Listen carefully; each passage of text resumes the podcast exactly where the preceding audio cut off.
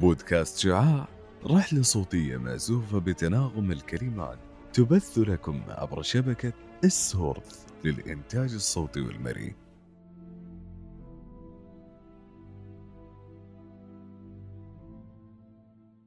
بين طيات الهندسة وتحديدا عندما تحلم في الطفولة أن تبني منزلك.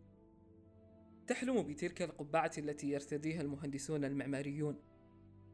السفر إلى أعماق الهندسة المعمارية وهذا العالم العظيم.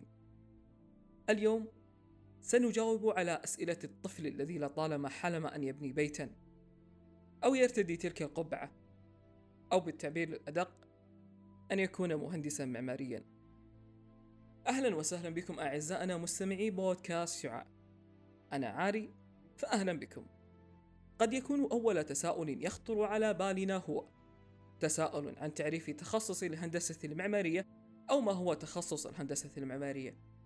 الهندسة المعمارية تخصص يجمع بين الهندسة الإنشائية والعمارة بحيث يشمل التخصص مواد معمارية كتاريخ العمارة والتصميم ويشمل مواد إنشائية كالميكانيكية الهيكلية والهندسة الجيوتقنية وتكون فيه مواد الرياضيات بشكل كبير والفيزياء.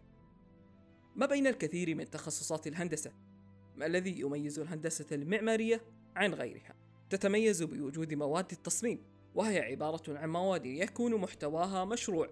يحدده الدكتور وتتوزع الدرجات على مراحل ولا يوجد فيها اختبار ورقي. وتكون الدرجات على تقييم الدكتور لكل مرحلة. والمرحلة التي تشبه الاختبار النهائي هي مرحلة التقييم النهائي. وهي عبارة عن تقييم للمشروع كاملا من قبل أكثر من دكتور وبالعادة تكون في مساحة مفتوحة. ولمن يبحث عن المهارات المطلوبة للتميز فإجابة تساؤلكم هو أن المهارات المطلوبة هي مهارة الرسم باليد والتصور الذهني أي الخيال والتمكن من خلق أفكار جديدة واستخدام برامج الحاسب الآلي. ويمكن اكتساب كل هذه المهارات بالممارسة والتغذية البصرية. الخطة الدراسية للتخصص هي عبارة عن أربع سنوات دراسة تخصص بعد السنة التحضيرية. وهناك نقطة سننوه عليها أعزائي المستمعين. أن هناك الكثير ممن يجهلون الفرق بين الهندسة المعمارية والعمارة وهذه نقطة يجب التنويه عليها. العمارة عبارة عن دراسة فن ونظريات وتاريخ العمارة وبعض المواد في دراسة الإنسان وحركته.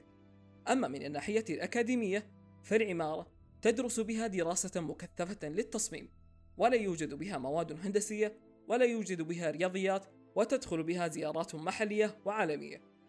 أما عن الهندسة المعمارية فمن الناحية النظرية هي عبارة عن دراسة الفن والنظريات وتاريخ العمارة بشكل مختصر بالإضافة إلى المواد الخاصة بالهندسة الإنشائية.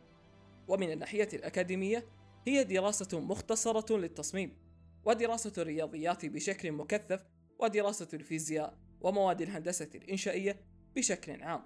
وبشكل مختصر إن الهندسة المعمارية مشتقة من العمارة.